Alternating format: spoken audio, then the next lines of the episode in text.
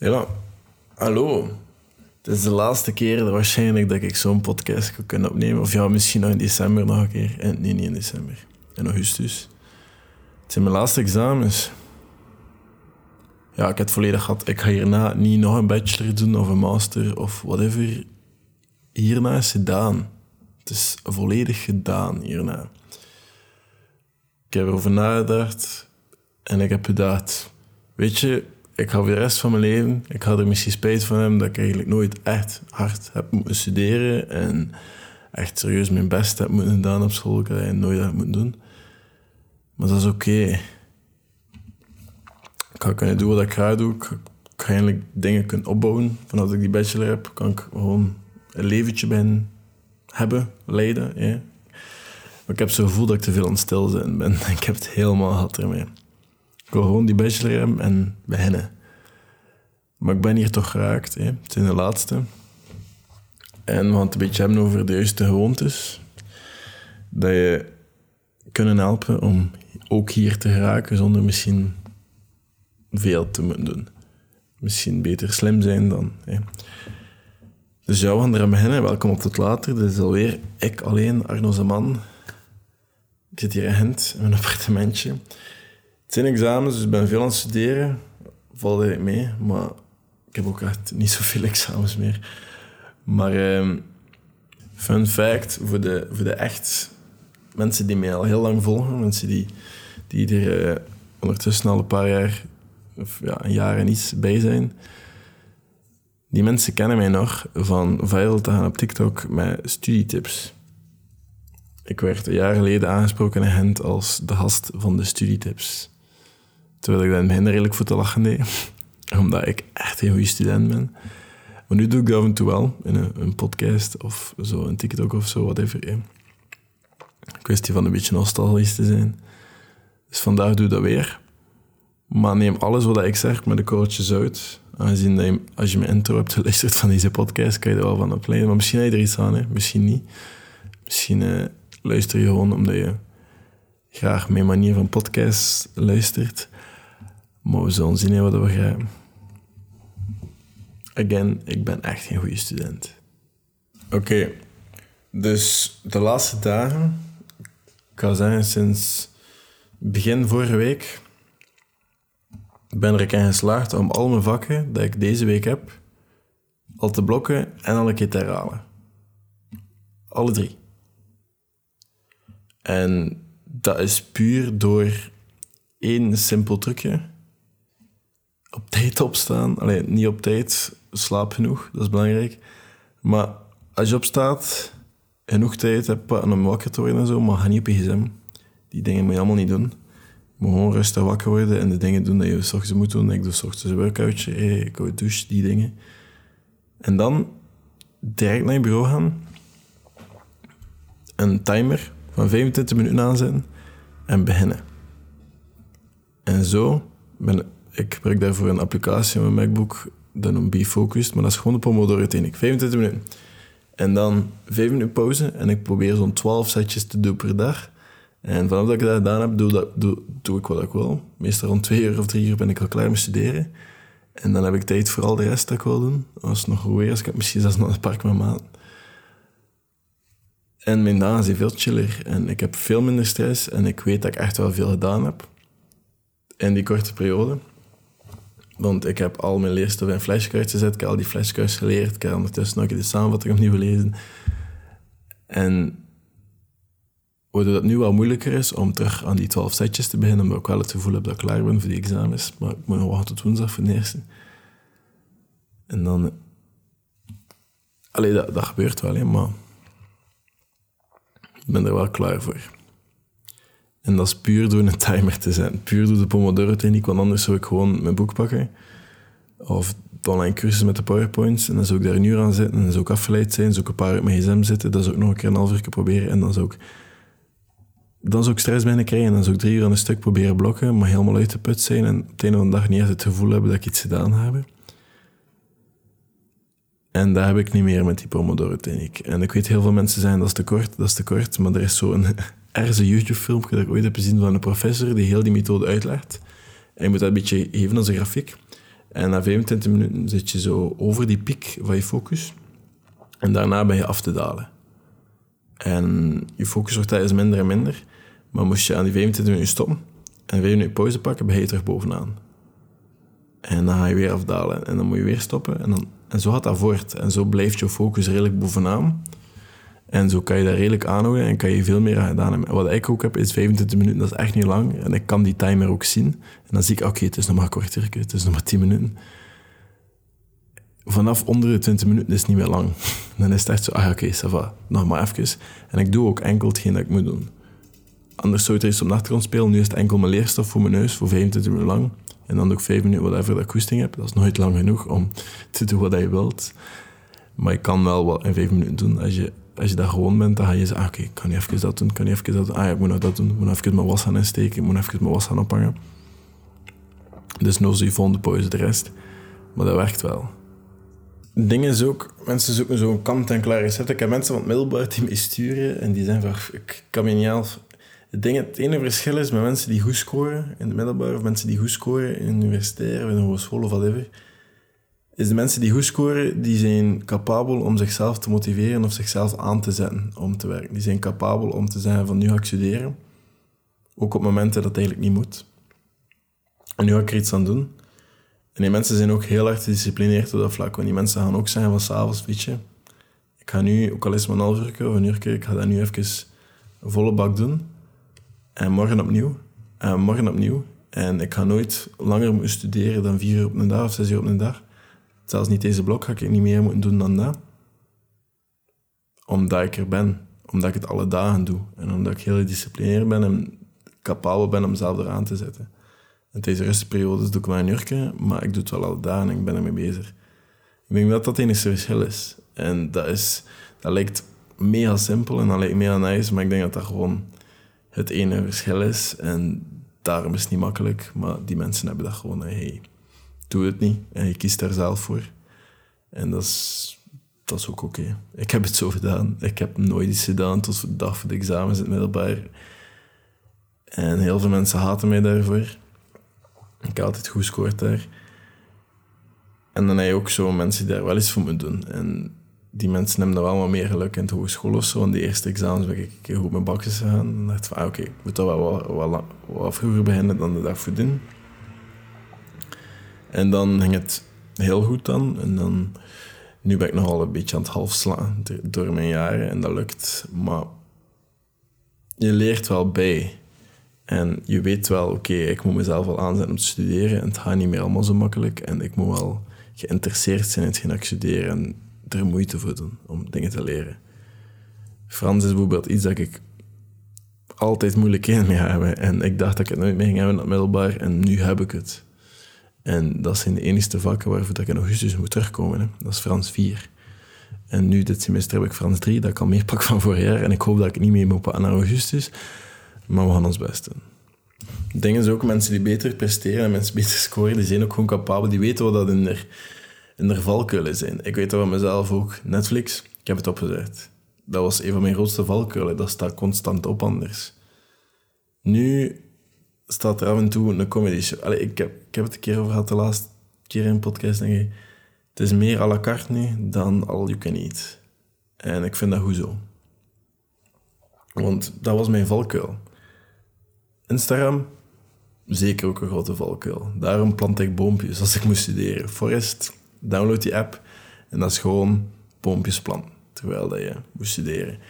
Dat is niet meer dan dat. Als je die app opent, je, je kan dat maximum voor drie uur doen. Ik doe dat altijd drie uur aan een stuk.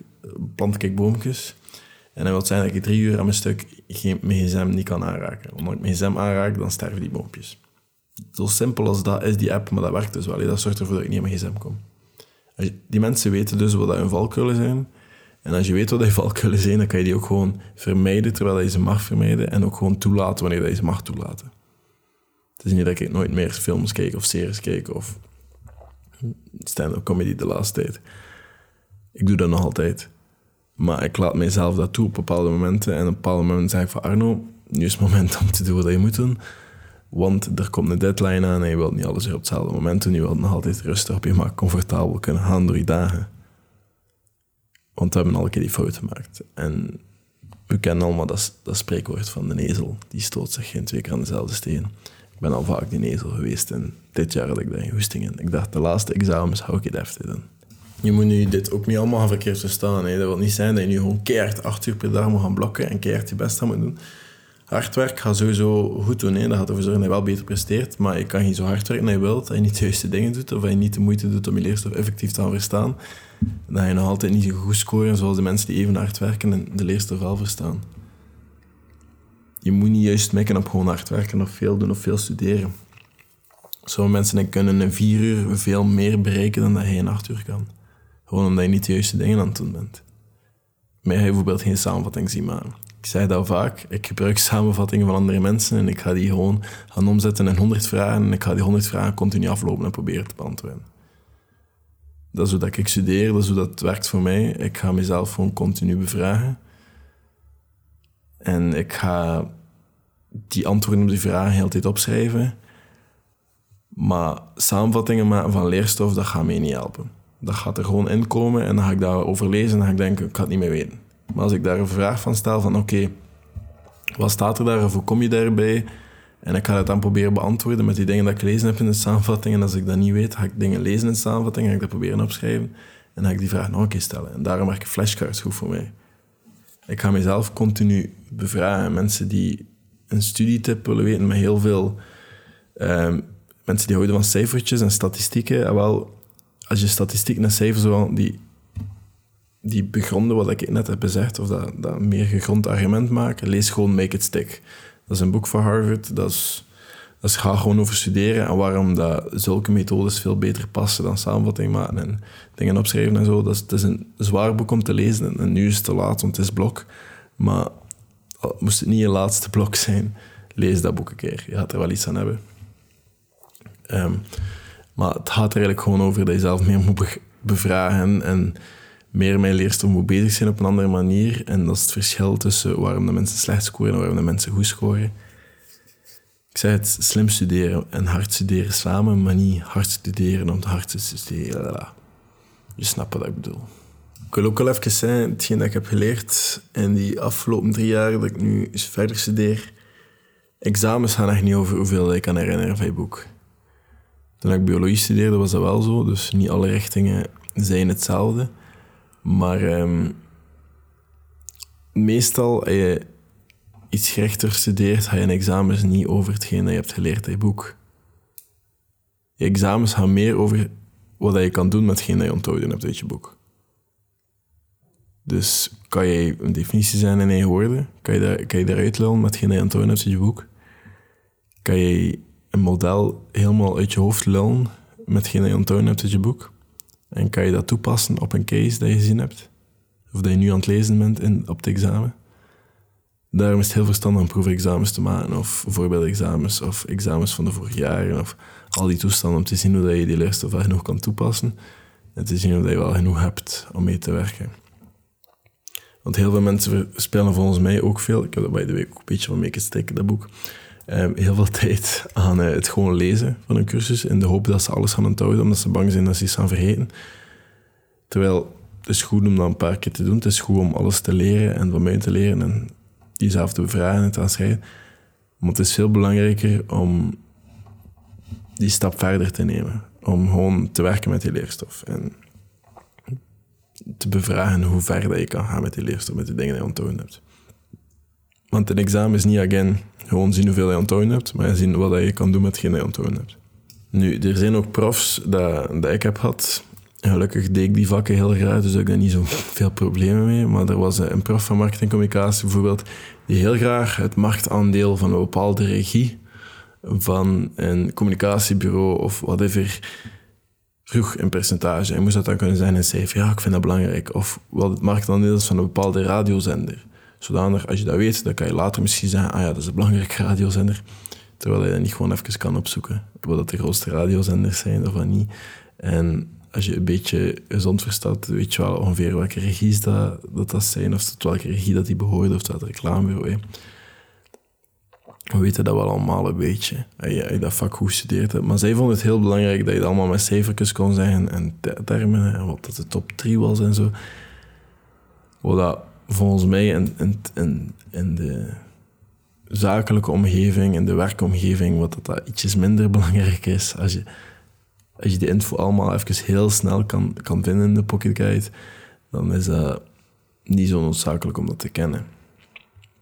Ik denk dat het veel meer toepasselijk zou zijn moesten die leerstof dan ook toepassen van, ah ja, oké, hier is een reclamecampagne, hoe zou je dat toepassen? Welke regie zou je doen met dat budget? Of waar zou je het doen? Zou je het out-of-home reclame doen of zou je iets anders doen? Dat lijkt mij veel leuker om dat vak toe te passen.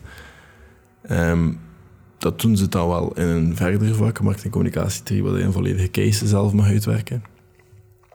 Um, met echte klanten en zo, dat is wel tof. Maar in dat vak is het dan... Ik ben, ik ben me er bewust van dat profs dat doen. Dat profs graag zo zien wat je kan onthouden van een cursus, terwijl dat niet zo praktisch is. Um, maar ja, in het algemeen is het beter om met leerstof te kunnen werken, maar dat is niet altijd zo. Het laatste wat ik heb bemerkt in mijn niet zo super lange studie, ja, op zich je erover nadenkt, zes jaar lager onderwijs, drie jaar kleuter, zes jaar middelbaar. Ik heb een jaar gedubbeld, het vijfde middelbaar. Eh, puur het jaar dat ik bij Paats ben gewoon en zo in instellingen en zo zat en zo, dat was niet zo'n goed jaar. Ehm, dus ik heb dat jaar gewoon opnieuw gedaan in een andere school. En dan heb ik samen doen, was dat veel gelukkiger. En uh, dus het vijfde middelbaar heb ik gedubbeld. Dus pak zeven jaar middelbaar erbij. Dus dat was uh, 7 plus 3 van het kleuter plus 6 is 16 jaar. Plus nu nog een keer in 3,5 jaar erbij. Is dat wel al proper, hè? 19 jaar heb ik op school gezeten. Dat is crazy, je daarmee stilstaat. Dus in mijn toch wel redelijk lange schoolcarrière, bijna even lang als mijn leven, um, heb ik gemerkt hoe drukker dat mijn rooster is, hoe drukker dat mijn agenda is, hoe beter dat ik presteer op school. Dus hoe meer dat ik moet klemmen, afspreek met vrienden of afspraken heb, of dingen moet doen zoals podcast, of ergens een interview moet gaan afnemen, of mensen een interview van mij nemen. Dat gebeurt ook soms. Ik verschiet er nog altijd van, maar dat gebeurt. Um, ja, hoe drukker dat mijn agenda is, hoe meer dat ik te doen heb, hoe meer dat ik mezelf opleg om dingen te doen en ook gewoon toelaat om soms niks te doen, hoe beter ik presteer voor school, omdat ik in het algemeen meer gebalanceerd ben en meer gelukkig ben. En de uren dat ik spendeer aan studeren zijn ook effectief voor studeren, want ik heb meer energie, omdat ik alle dagen bezig ben. Bijvoorbeeld vrijdag heel nacht in verhuizen. Ik heb s'avonds nog tot een uur of twaalf zitten uh, studeren, omdat ik wist, ik moet dat doen. Ik heb heel de dag bogen en ik was wel ziek. Ik heb me overgeven toen. Dat was echt... Ik had een pizzeria besteld bij de verhuis. Nee, geen hele pizzeria. Ik had pizza besteld. Allee, we hadden pizza besteld met een man of dertien. En uh, ja, die pizza, dat was eigenlijk gewoon allemaal belegen met producten van Aldi. Ik had een creamy bacon besteld en het gedacht van, er gaan er zo van die goede speklagen op liggen. Zo, ken het, zo van die schelle spek. Um, nee. maar um, het was eerder een pak spekblokjes van Aldi dat er gewoon opgesmeten waren. En die creamy was gewoon extra kaas of mozzarella, weet ik het wat dat was.